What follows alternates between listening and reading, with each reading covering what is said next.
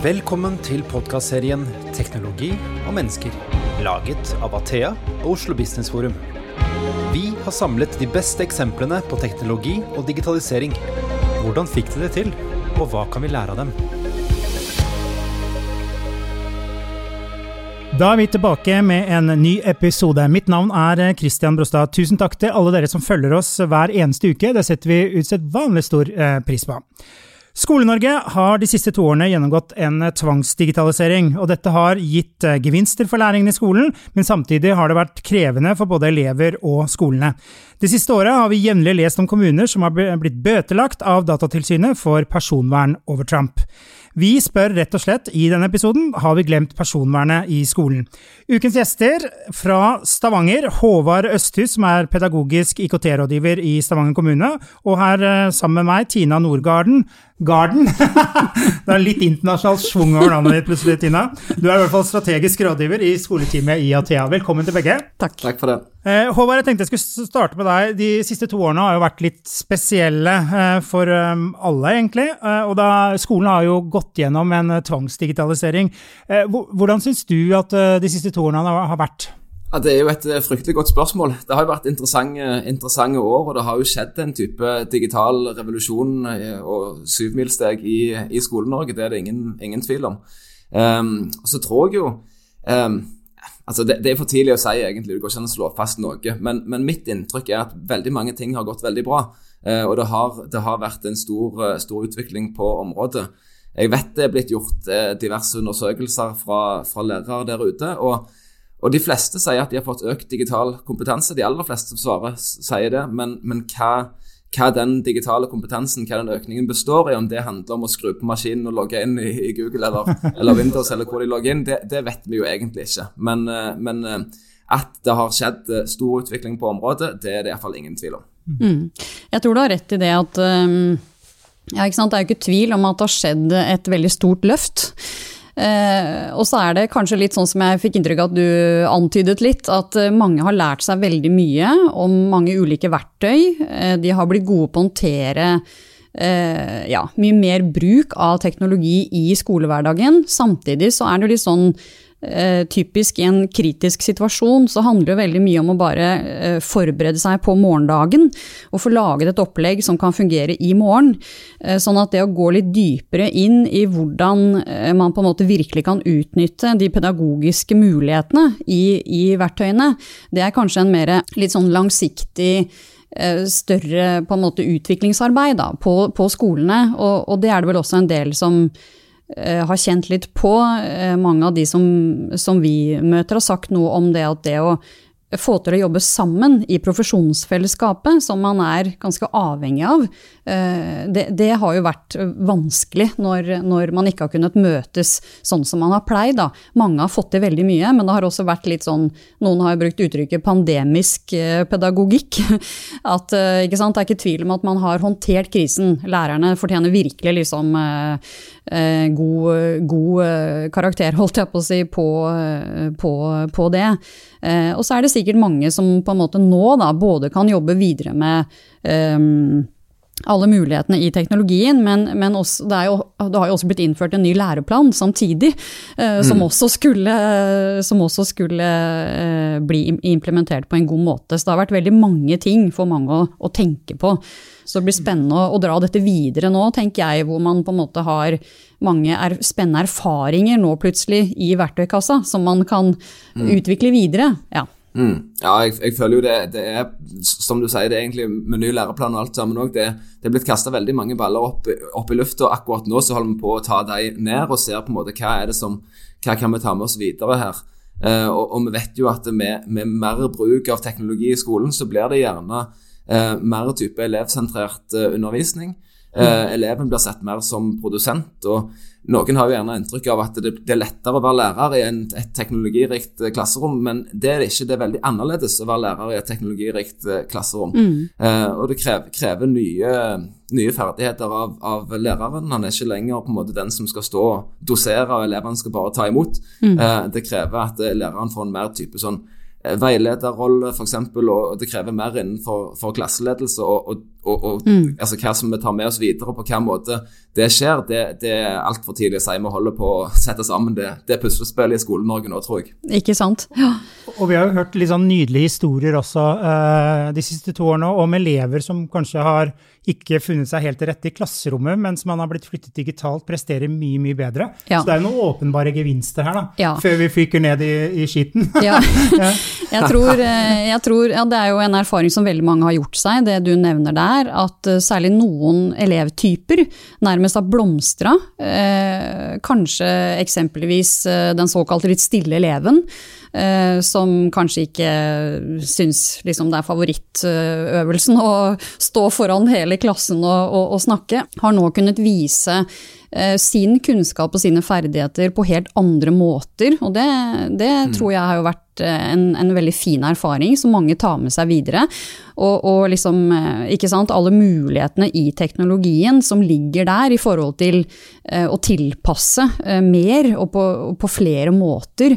Og, og det er jo også en av, uh, en av, de største erfaringene etter pandemien, at uh, veldig mange på en måte har um, lært seg mer om dette da, i skolen. Mm. Så det er, det er, ikke tvil om at mm. der har det skjedd uh, veldig mye. Samtidig som her er det også så mange store, gode muligheter i teknologien. Og det er under kontinuerlig utvikling. Så det er også en erfaring at her er det veldig mye mer å, å, å gå på og utforske for skolen. Så det, det, tenker jeg blir kjempespennende videre, for dette har man begynt skikkelig på, men det er fortsatt mye igjen da, å, å, å, ta ut av potensialteknologien. Så det skal bli veldig, veldig spennende å følge med på videre. Så vi har noe å takke Altså det er kommet noe bra ut av pandemien på en måte, selv om det er jo grusomt at vi har det. Men, Absolutt. Ja. Mm. Definitivt. Eh, Håvard, eh, det er jo en del kommuner nå som har fått bøter fra Datatilsynet fordi de ikke har håndtert personvern på en uh, god nok uh, måte. Er du overrasket? Nei, jeg er ikke overraska på noen måte, egentlig. Jeg tror egentlig jeg hadde vært mer overraska dersom det ikke var noen bøter. Og det er såpass komplisert og, og svært, dette området, at jeg tror jeg tar kanskje litt hardt i, men, men, eh, men jeg tror at hvis Datatilsynet hadde kommet på besøk til alle kommunene i, i, Norge, så hadde de i alle kommuner funnet noe som var klanderverdig. Kanskje ikke, kanskje ikke hadde gitt bøter, men i alle fall en irettesettelse. For, eh, for dette, er et, dette, er et, enormt stort område, og det er enormt uh, kompliserte, kompliserte saker. og og når det kommer til det med skole spesielt, så er det Hvis du sammenligner med, hvis du sammenligner med f.eks. helse, som gjerne har noen store systemer som er veldig viktige, og som blir godt ivaretatt, så har skole òg store systemer, men i tillegg så har de enormt mange små systemer. Eh, for å ta oss i, i, Stavanger som eksempel, her, vi, her bruker vi Chromebook i, i, skolen. Det betyr at vi har veldig, veldig mange nettjenester. Eh, vi har eh, feideinnlogging på disse mm. tjenestene her. Vi har eh, Android-apper. Vi har Chrome-utvidelser og tillegg. Og alt dette er alle tjenester som, som, elevene logger inn i og legger igjen personopplysninger i, de skal på en måte være gjenstand for en ganske omfattende vurdering, selv om det bare er en liten, liten tilleggstjeneste. Altså Én ting er databehandleravtale, det er det mange tenker på først når de hører om, om, personvern. Her må vi ha databehandleravtalen på plass. Og bare databehandleravtale kan være ganske komplisert. for for vi i Stavanger vi har vår mal som vi ønsker å bruke, og, andre kommuner har sin mal som de ønsker å bruke. Og Da syns vi litt synd på den lille leverandøren som sitter der og jobber med 350 ulike databehandleravtaler. Og, og, jeg forstår det godt, de som da har lyst til å ha sin egen databehandleravtale, men da blir det altså veldig mye jobb i 350 kommuner igjen. Eh, så, så, og, og databehandleravtalen er jo bare en, en bitte liten del av dette. I tillegg så har jo Datatilsynet har jo slått fast at når du bruker skytjenester i skolen, så skal du gjennomføre en Eh, en ROS-analyse, og du skal gjennomføre en DPIA. Det betyr altså en vurdering av personvernkonsekvenser. Og alt skal føres i en behandlingsprotokoll. Og jeg gjentar dette skal skje for hver eneste av disse små tjenestene. Ja.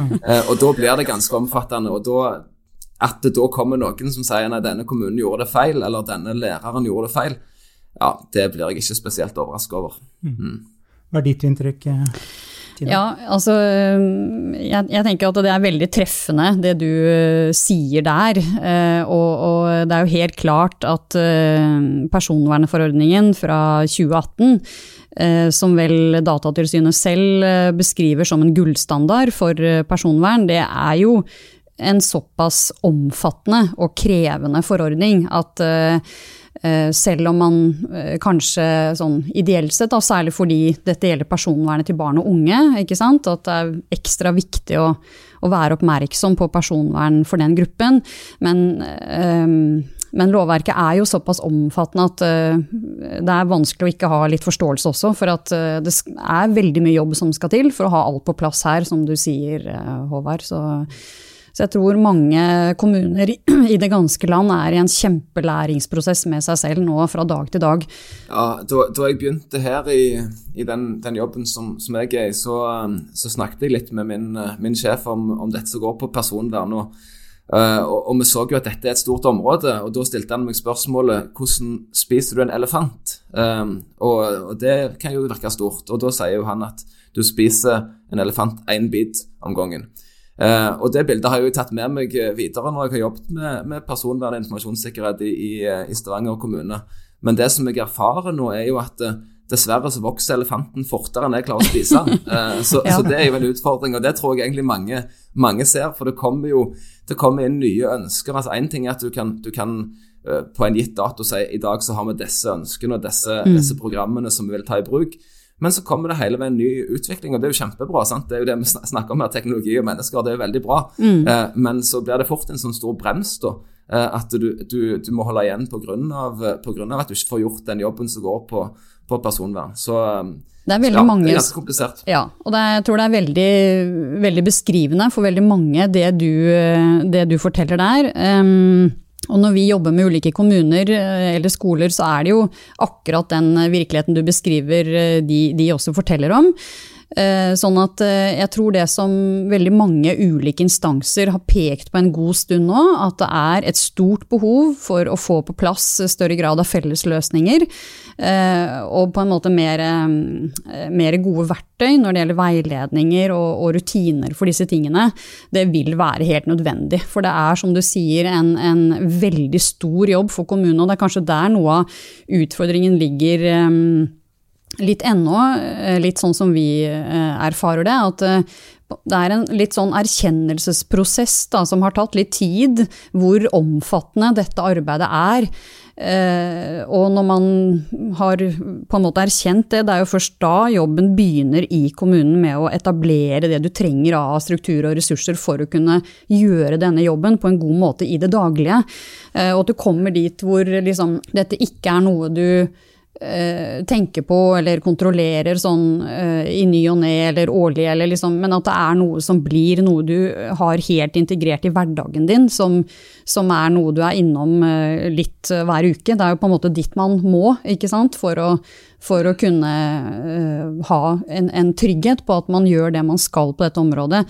Men, men det er jo helt klart en så stor jobb at ja, det, som, det er jo en del ulike Eh, på en måte piloter nå i forhold til å utvikle fellesløsninger nasjonalt og, og litt sånn ulike eh, forsøk da, som man vil gjøre. Og det blir veldig eh, viktig for kommunene å på en måte få landet litt sånne eh, ting som det. Da. Hvor mye skal de ha ansvar for på dette området fremover, og hva vil komme i fremtiden av fellesløsninger som kan avhjelpe litt dette arbeidet fremover.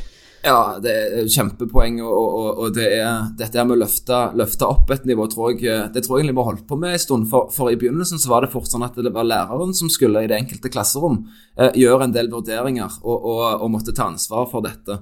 Uh, og så så de at nei, men dette, dette, går jo ikke, sant? dette må jo løftes opp. Og så er det rektor gjerne som hadde et spesielt ansvar på sin skole. Nå, nå ser vi jo større og større grad av type sentrale innkjøp av læremidler, f.eks., sånn at du sikrer at det, det personvernmessige arbeidet blir, og vurderingene blir, blir gjort uh, i stor grad sentralt i kommunen. Og, og, nå ser vi at nei, det blir egentlig veldig stort hvis 350 kommuner skal sitte og gjøre akkurat den samme jobben. La oss mm. løfte det enda høyere opp til mm. nasjonalt plan for for i dag så opplever jo jeg at veldig mange sitter og gjør nøyaktig den samme jobben på en måte fra, fra null. Eh, du, du sitter og leser på, om det er terms of use eller privacy policy og, og henter ut de, de, aktuelle parametrene som du må ha med inn i de ulike vurderingene som du gjør. Og, ja. og mye av den jobben kunne, kunne, fått en type bransjestandard eller noe som gjorde at det ble veldig mye lettere. sånn at eh, jobben i den enkelte kommune handler mer om bevisstheten rundt bruken av dette. For nå blir det veldig sånn teknisk og stort, og denne store elefanten som vokser og vokser. Eh, men at vi kan få mer mm. bevissthet eh, ute i skolene, og heller, heller uh, bruke kreftene på det. Det tror jeg at det vil være en, en bedre løsning enn den som uh, kanskje har akkurat per i dag. Mm. Er, er, det noen forskjell, Håvard, på stor altså Stavanger er jo relativt stor kommune i norsk målestokk. da. Uh, er det noen forskjell på små og store kommuner her, eller er det like holdt på å si dårlig Nei, altså i denne sammenhengen så har nok størrelsen noe å si. vi har Eh, sånn som vi i Stavanger, vi har, har, jo anledning til å ha folk som jobber dedikert med dette. Og, og, og nå er vi i ferd med å ansette mer folk som skal jobbe inn mot personvern og informasjonssikkerhet innenfor oppvekst og utdanning, som er det området som jeg, jeg jobber i. Men jeg har òg jobbet i, i en liten kommune da som, som, rektor. Og ehm, ja, da var det jo ikke veldig mye støtte å få på personvernbiten, selv om jeg jobbet der når, når personvernforordningen trådte i kraft i, i Norge. da. Mm. Um, så da ble det vel mer det at du sitter egentlig med veldig dårlig samvittighet. Uh, sant? Du, du, sier veldig mm. mye nei til, til de tingene som, som, du, som, kunne vært veldig bra, men du har ikke, du har ikke ressurser til å, å, gjøre de nødvendige vurderingene.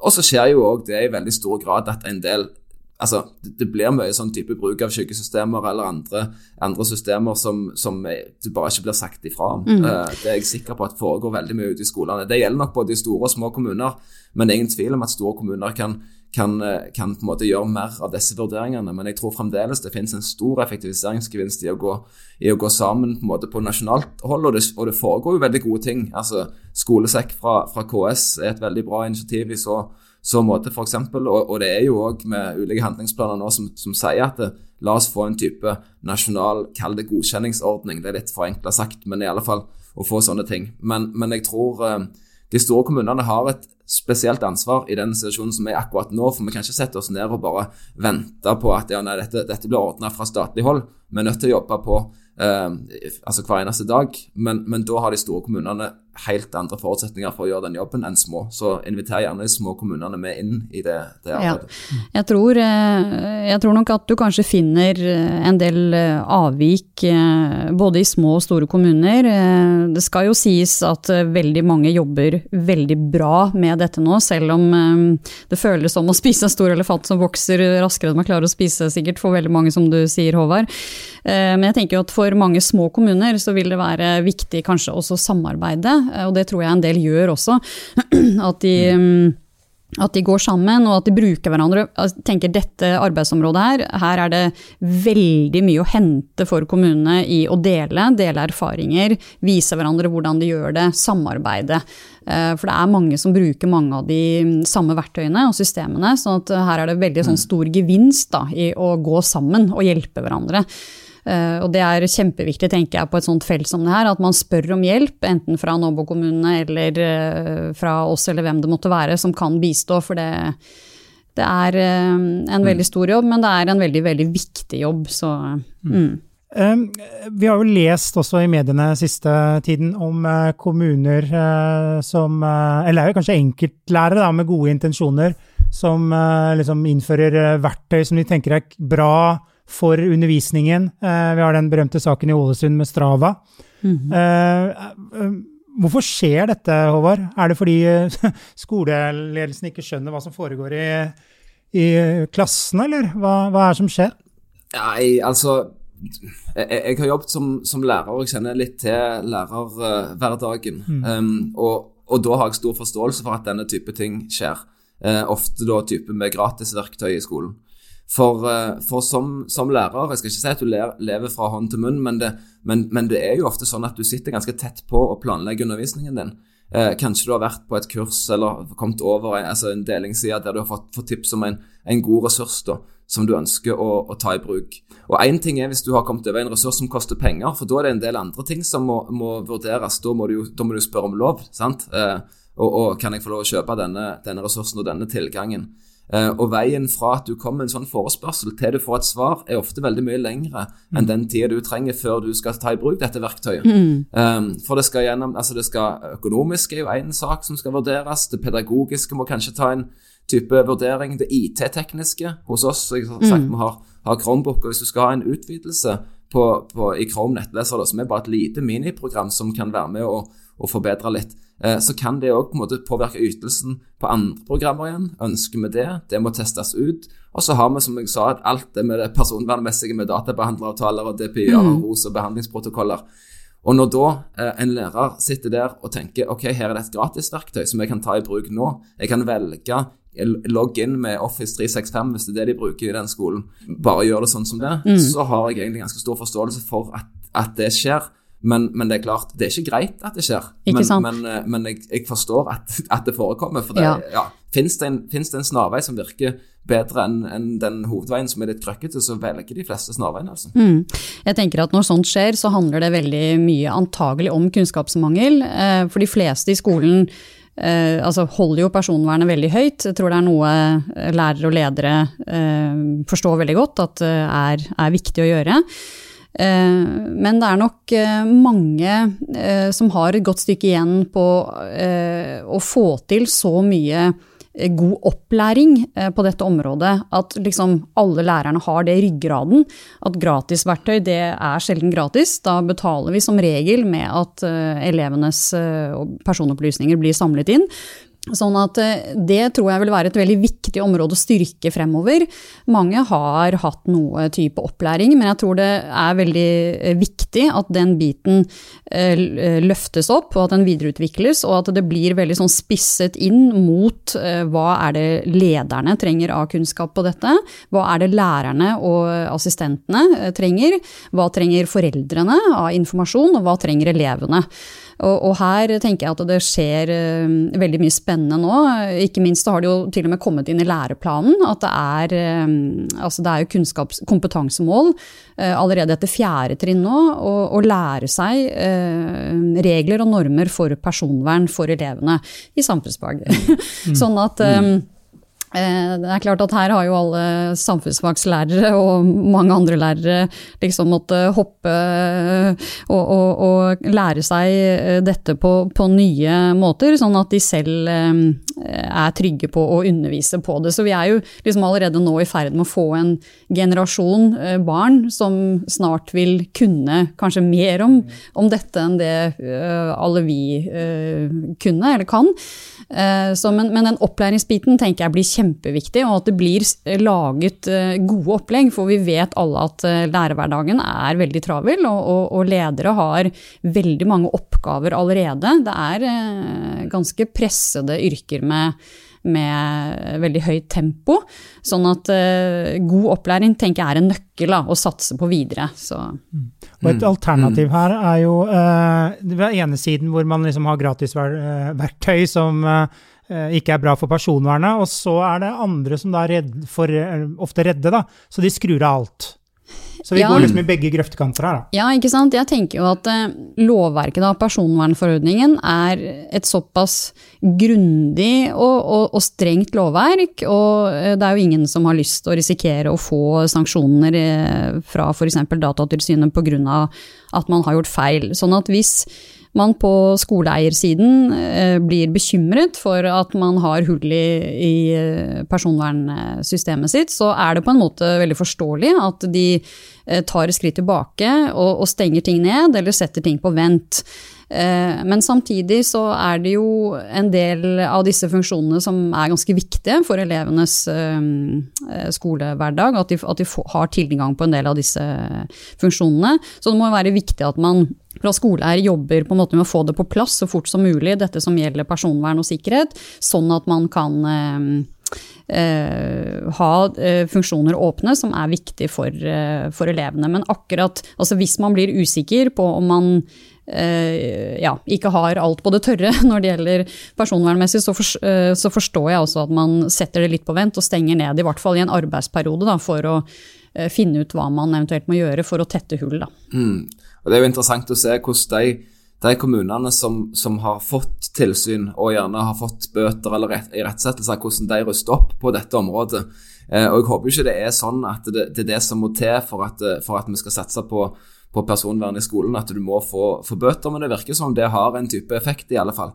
Eh, så det blir gjort en, en veldig god jobb i, i, flere av disse kommunene. nå Ålesund og Strava, der, der vet jeg jo at de har sagt at nå by default så sier de nei til som, alt som har med lokaliseringstjenester å gjøre. Det er jo, det, det, altså, det er jo litt negativt, det òg, for, for, for, det er ikke sånn at alle lokaliseringstjenester, eller alle tjenester som bruker lokalisering, er ulovlige.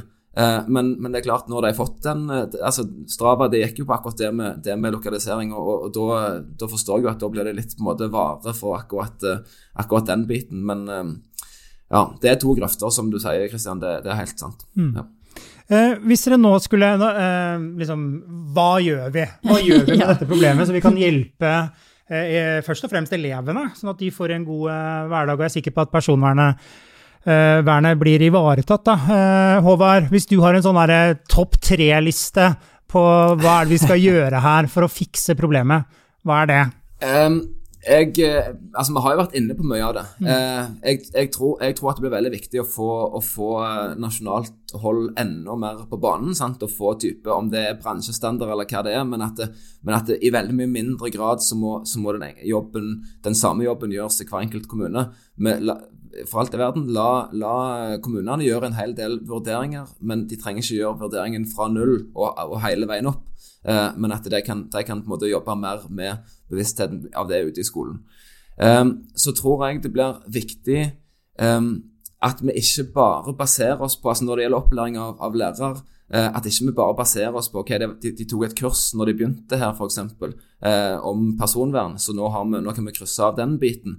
Eh, for det er jo ikke sånn altså vi vet, vet mer om læring enn, den slags. Det må bli en del av type eh, hverdagen til, til, lærerne der ute. Eh, at personvern er, er, er, en issue som de faktisk forholder seg til. Eh, og så tror jeg at oversettelsesarbeidet blir litt sånn viktig vi må, vi må vite hva, hva er det egentlig snakk om her. For, for ofte så, så, så graver vi oss ned, iallfall vi som sitter og jobber med det som jeg jobber med, vi graver oss ned i terminologier og, og mye forskjellige ting som blir veldig sånn vanskelig og omfattende å, å forstå. men til sjuende og sist så handler det jo veldig mye om ok, hva, hva, hva lagrer en lærer hvor? sant? Hva kan du lagre eh, på, i Office-kontoen din, og hva må du arkivere i, i arkivet? Eh, hva kan du sende på mail?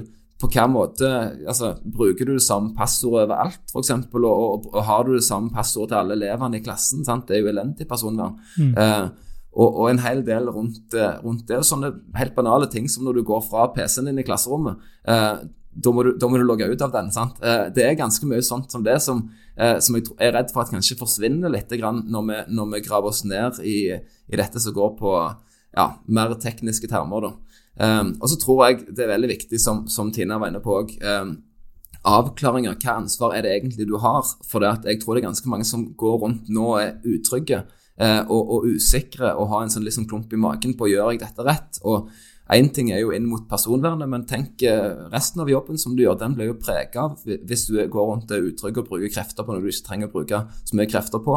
Så jeg tror en sånn type rolleavklaring uh, blir òg veldig, veldig viktig framover. Men, men det er som jeg sa, det er, det er en stor elefant, dette, og, og det krever mange til å, til å løse det. Og det, den jobben gjøres i alle fall ikke én eh, og én i den enkelte kommune, den gjøres i fellesskap, helt klart. Mm. mm. Jeg, vet ikke, jeg, vet ikke, om det ble topp tre-lista, det ble, det ble veldig rotete, men jeg, jeg var iallfall innom minst tre ting. Ja. Nei, jeg, jeg, vil egentlig understøtte det som eh, du og, og jeg kanskje også sa om, eh, om, opplæring. Jeg tenker at det er kjempeviktig, og um, det er viktig at lærerne har fått en god opplæring, sånn at de vet hvorfor det er viktig at de bruker de eh, appene og systemene som er klargjort fra skoleeier til bruk i klasserommet, og at de har fått en, en, en opplæring og forklaring på hvorfor det ikke er lov og, eller greit å bruke gratis apper eller ting som de er usikre på om er, er klart for bruk i klasserommet eller ikke. Så den opplæringsbiten tenker jeg er kjempe, kjempeviktig. Og så tenker jeg kanskje også litt på dette her med elevstemmen. Um, at ikke sant, det er noe med at elevenes uh, kreative teknologibruk uh, har jo både styrker og utfordringer i skolehverdagen. Så det å eh, få elevstemmen også inn da, i dette arbeidet, helt opp eh, kanskje også til skoleeier, at de kan ha litt dialog også med eh, elevene av og til, for å også bli kjent med ja, eh, litt sånn eh, Kanskje hvilke ja, hvordan faktisk teknologibruken er i klasserommet. Det, det tror jeg er veldig viktig, fordi ja, de ligger på en måte alltid litt foran oss, eller de, har, de, de gjør, ja, ser muligheter som ikke vi, vi, ser, på godt og på vondt. Og så tenker jeg også at uh, på dette feltet så tenker jeg at informasjon er en uh, veldig utfordrende ting.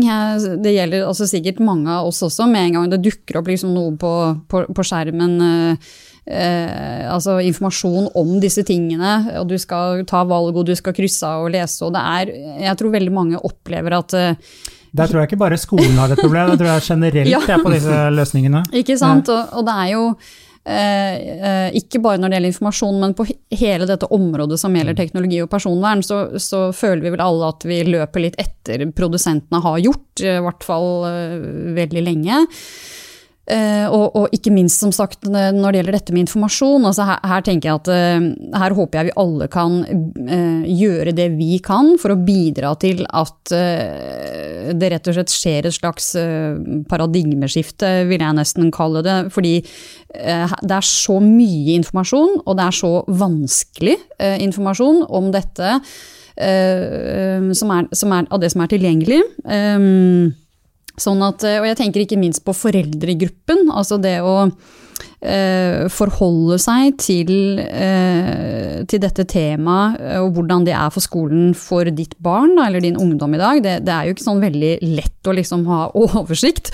Så, så jeg håper at, at produsentene forts de, de, er jo liksom ganske aktive da, med å utvikle dette og prøve å gjøre det enklere og mer forståelig og, og, og sånt noe, men her er det veldig langt igjen. og, og ja, som sagt, det er viktig at uh, um, foreldregruppen også blir tenkt litt mer på fremover. Uh, også, mm. altså for alle vi som, som, jobber med det, og ikke minst um, alle språkgruppene som foreldre Altså eh, skoler har gjerne foreldre med mange forskjellige språk. De har ulik eh, altså kapasitet når det gjelder å, å, lese og tilegne seg sånn type informasjon. Jeg mener jeg har lest at nå under pandemien så har det jo vært referert til sant, undersøkelser om hvor mange av oss som forstår den helseinformasjonen som blir gitt oss. Og det er jo så mye som 40-50% av, av oss som egentlig ikke forstår det ordentlig. Da kan man bare tenke seg hvordan Jeg vil anta at det ikke er så veldig mange flere som forstår personen, hver informasjonen som blir gitt. Så det er et viktig område å jobbe mer med. Eh, Håvard, mm. eh, nå har vi jo ny regjering, eh, og begge dere har jo pekt på at eh, det må være mer felles initiativ for å hjelpe skolene, både, nei, ja, kommunene, da, både store og små. Eh, hva, mm. hva, tror du myndighetene her må gripe tak i? Har du noe tiltro til den nye regjeringen når det kommer til dette området? nei, altså jeg, jeg, tror jo jeg tror at retningen der òg egentlig er god. Ja. Eh, for det jobbes mm. jo, det jobbes jo med, med, å sette, altså, sette, ned en type sånn godkjenningsportal, eller ja, nå har ikke jeg alle ordene for det eh, foran meg her. Eh, men det, men det, er ulike tiltak som ligger i disse handlingsplanene for mm. digitalisering, som, som, jeg tenker at er gode. Eh, men, eh, men, hvis det skulle vært et Jeg vet ikke om det blir tips, da, men, men det blir jo bare å få opp farten. Det, det, er jo det som er. Mm. Det trengs det, går jo Det er en stor båt, dette, og den, det tar lang tid å snu den og få den i, i, i rett mm. retning. Men, men å få, å få, farten opp på det, det tror jeg er ganske viktig. For, eh, for, hver eneste dag så foregår det jo behandling av personopplysninger ute i skolen. Og dess lenger det går før vi får bedre systemer, dess, dess oftere tror jeg dessverre at personvernet blir, blir krenka der ute i, i, Kommune-Norge. Så, mm. så få, få, opp farten. Det er lett, lett, å si for oss, da, men eh, det er iallfall en oppfordring fra, fra meg. Ja. ja. jeg tenker at øh, arbeidet med personvern, men også andre sider ved digitaliseringen i skolen er det veldig viktig at det blir jobbet mer systematisk med fremover. Vi vet f.eks. fra eh, regjeringens digitaliseringsstrategi som gjelder ut det året her, at eh, det er så mange som én av fire niendeklassinger som har for svake digitale ferdigheter til å mestre videre skolegang og arbeidsliv. Og vi vet at det er veldig mange altså muligheter i teknologien som kan være kjempeviktige for elever med lærevansker, lese- og skrivevansker, hvor det er langt igjen på å ta ut eh, som sagt, potensialet i teknologien. Eh, og sant, disse utfordringene vi har innenfor personvern, ikke minst. Så det er flere sånne momenter da, som gjør at det er veldig viktig at, at dette blir jobbet med solid uh, av myndighetene fremover. Uh, det er, men det er veldig mye bra som skjer, som du sa, Håvard. du har jo referert også til KS sitt, også sin ressursbank, ikke sant, skolesekk, og myndighetene jobber også nå med å ramme inn altså hvordan man skal jobbe på dette området fremover. Fordi det er jo ikke sant, en ny situasjon i dag at du har så enorme mengder data tilgjengelig eh, for elevene, eller um, enorme mengder elevdata som er tilgjengelig. Og hvordan skal vi bruke dette framover? Hva skal være på en måte ok bruksområder, og hva, hvor skal vi trekke opp noen etiske og moralske eh, grenser og si at uh, dette bruker vi ikke disse dataene til. Her, her jobbes det nå, det er flere utvalg som jobber med å ramme inn dette, og det blir veldig spennende fremover. Også fordi det er jo eh, altså, veldig mange interessante bruksmuligheter for disse dataene i forhold til eh, mer eh, tilpasset opplæring og god bruk av teknologi. ikke sant? Mm. Og utvalg høres jo ikke ut som fart, da, Håvard? Masse utvalg gir ikke fart, eller? Nei, altså ikke nødvendigvis. Men, eh, men, som sagt, jeg tenker retningen, retningen er, er, god. Og så er det kanskje noe med å altså, det er vanskelig å, å, lage en løsning som er helt 100% perfekt, og så kjører vi i gang med den. Eh, veien blir ofte til mens man går, eh, og det tror jeg blir, blir viktig her òg. Og jeg merker jo det sånn som, sånn som her i, i Stavanger òg. Hvis, hvis, vi skulle tenkt at vi, skal, vi må komme i mål med en eneste gang, så hadde det, da hadde det vært egentlig, Da kunne vi bare kapitulert. sant? Men vi må, vi må ta på en måte ett og ett steg i, i den, den rette mm. retningen. jeg var på en konferanse der det ble sagt Voltaire ble sitert på at det beste er, er det godes verste fiende. Eh, og det, det, tenker jeg egentlig ganske treffende inn, inn i dette, da. Eh, vi, må, vi, må, ikke tenke at ok, hvis ikke vi klarer å komme oss helt eh, og, få det, og få det helt eh, ideelt med en gang, så må vi gi opp. Her må vi ta ett steg om gangen og prøve å gjøre det litt bedre hver dag. Um, så, så, tror jeg at det er på en måte Til slutt så, så har vi kommet, uh, om ikke i mål, så i alle fall et langt steg nærmere. Mm. Vi nærmer oss slutten, men når man, altså lytterne nå som hører på, så kan man bli litt, litt sånn lettere forvirret, kanskje, på hvem er det som egentlig har ansvar for personvernet i skolen? Mm. Håvard, hva er det tydelige svaret? Ja, da kan du bare Nå har vi ingen måte mening å henge ut Ålesund kommune her, eh, men, men, det har blitt nevnt tidligere knytta til dette med, med, med, Strava. og Da var det jo ikke Ålesund kommune som skoleeier som sa nå skal vi bruke Strava. Eh, da var det noen lærere på et par skoler i Ålesund som gjorde det, med alle gode hensikter for alt i verden. Eh, men den som får boten, er jo Ålesund kommune. Så, så det er ingen tvil om at det er skoleeier som er ansvarlig for, for dette som går på personvern. Du kan delegere oppgaver nedover, men du kan ikke delegere det, det ansvaret. Samtidig mm. så, så, vil ikke jeg si at jeg vil ikke oppfordre på en måte lærere til bare å hoppe bukk over alt sett personvern, for det er ikke deres ansvar. Altså Det, det finnes andre, andre, regler som kan tre i mm. kraft, en måte, men, men, da er det ikke Datatilsynet. Da er det arbeidsgiver som kommer på banen eventuelt. Men ansvaret skoleeier. Alt det juridiske ansvaret ligger hos skoleeier for uh, å lage trygge systemer for informasjon og for opplæring. Samtidig så tenker jeg at alle gruppene har sitt ansvar. altså Skoleeier har det juridiske skoleeieransvaret ansvaret. Ledere har eh, ansvaret på ledernivå, og lærere på lærernivå, og også elever og foresatte på sitt nivå. Mens uh, helt klart det juridiske er uomtvistelig på eiernivå. Eh, før vi går over til vår faste spalte her, så eh, hvis vi nå avslutningsvis skal gi liksom eh, Vil jo tro at det er en del kommuner nå som eh, hører på, eller folk som jobber i kommunen og jobber med disse problemstillingene. Eh, Håvard, hva er ditt viktigste tips? Nå skal du bare nevne én, da, ikke tre.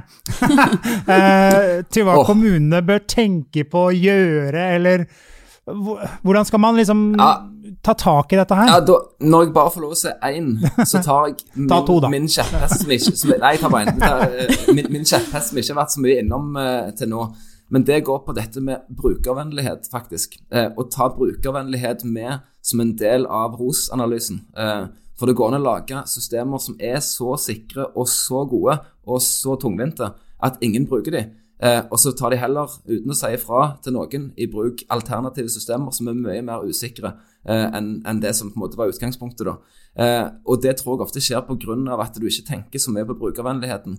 Eh, jeg vet litt om hvor travel både skoleleders og, og lærers hverdag er. da vil det faktisk ha en stor betydning at det løsningene som du velger, er brukervennlige. Så det blir faktisk mitt, mitt beste tips. Hm. Tina, topper du den? Ja, det var bra det. Du er god på det konkrete, Håvard. Jeg tenker kanskje mer på det overordna, at um det er dette å komme dit at dette er noe du gjør uh, og tenker på hver uke. At det blir liksom uh, ja, noe du jobber med jevnt og trutt. At, uh, at vi alle kommer dit. Det, det tror jeg er viktig da, for, for, skoleeiere spesielt. Da. Mm. Nydelig. Da skal vi over til vår faste spalte. Digitale vaner. Bli kjent med gjestene ved å snoke deres digitale liv. Hva gjør de egentlig på nettet? Hvilke favorittapper har de? Er det streaming eller linær-TV som gjelder? TikTok eller Snapchat? Vi spør i Teknologi og mennesker. Da skal vi altså snoke litt i deres private digitale liv. og Greia er da at uh, dere får to alternativer, og så skal dere velge ett av de alternativene. Og Her er det altså ikke lov å finne på et tredje alternativ, så er det helt uh, klinkende klart. Så jeg tenker Vi kan starte med deg, Håvard. Uh, nettbutikk eller fysisk butikk? Nettbutikk. Har det blitt mer av det? Enkelt og greit. Ja, enkelt og greit. ja, det har det, det, det, det har altså. Og, og jeg eh, hva skal jeg si, Ideologisk så liker jeg ikke at det er sånn, for jeg liker veldig godt uh, altså at det er liv i, i gaten og sånt, men uh, helt ærlig så handler jeg absolutt mest i nettbutikk. Det er bare sånn det har blitt. Mm. Tina? Fysisk mest ennå, men uh, det er jo på vei til å bli mest digitalt, antagelig. Mm. Det er dit det går, ser det ut som. Håvard, seriefråtsing eller én episode i uka? Eh, en episode i uka tror jeg vi går for, eh, går for der. og Det går litt på Jeg har ikke, altså, jeg har ikke tid til å sitte og fråtse for lenge i serien, men, men, eh, men, å få en episode i uka, det, det funker greit for meg. Så lenge jeg har, kan ha, ha, flere serier. Det hjelper. Ok. Nei, jeg må tilstå det kan forekomme fråtsing. hva, hva er det du ser på om dagen? Oi uh, Nei, uh, akkurat nå så er det The Good Doctor. Hmm. Netflix. Netflix ja. Håvard, emoji eller tekst?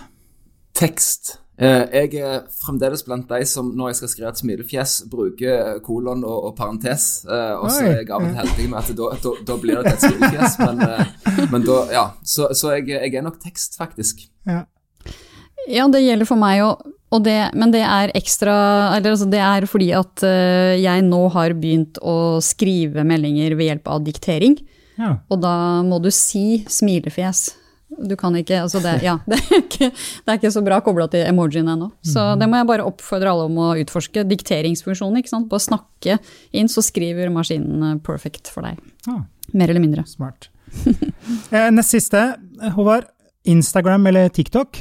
Der velger jeg rett og slett TikTok. Eh, det er jeg har jo konto begge, begge, steder, og jeg er ikke veldig aktiv med å legge ut ting. Men jeg syns jo at TikTok på en imponerende måte klarer å treffe mine interesser på altså, Du sveiper litt, og så, og så, plutselig så er alle videoene interessante. Så, så veldig mye gode tips på, på TikTok, men jeg ser jo at i en type skolehverdag så er TikTok en, en utfordring hvis du skal klare å holde deg innenfor ett eller tre minutter på det som er interessant i en hverdag som er delt opp i 45 minuttsbolker. Men ja. Eh, jeg går allikevel for TikTok. Ja, det er, smart, bra algoritmer, altså. Er, mm. Tina? Mm. Instagram, men jeg må jo innrømme at etter å ha jobbet så mye med personvern som jeg har gjort nå de siste årene, så er det egentlig lite bruk av det også. Mm. Siste, Håvard. Eh, smarthjem eller bare hjem? Å, oh, den var vanskelig. Men uh, nei, jeg tror jeg må gå for bare hjem. Uh, selv om jeg, jeg, liker godt, jeg liker godt uh, smart hjem, men, men fokus på hjem, da tenker jeg at det, det, skal være bare hjem, og ikke først og fremst smart. Så, så vi går for bare hjem. Mm. Det der vil jeg kanskje si smarthjem, uten at jeg kanskje vet uh, altfor mye om det. Men uh, akkurat det syns jeg er veldig spennende, faktisk. De mulighetene som ligger i den teknologien. Så smarthjem. Mm. Vi var utrolig uenige, merker jeg. Det var, ja. var litt vi var enige om noe, men det var interessant. Dere er enige om hva som trenger å gjøres i skolen, men når det kommer til privat, så er det kanskje en styrke, da. Men det er masse personvernissues med smart-TV også, men det blir kanskje en annen episode. Mm. Eh, Håvard og Tina, eh, tusen takk for at dere kunne være med, og tusen takk til deg som har lyttet på. Du har nå lyttet til Teknologi og mennesker, laget av Athea og Oslo Business Forum. Liker du podkasten, setter vi stor pris på om du gir oss noen stjerner. Og tips gjerne en venn om podkasten.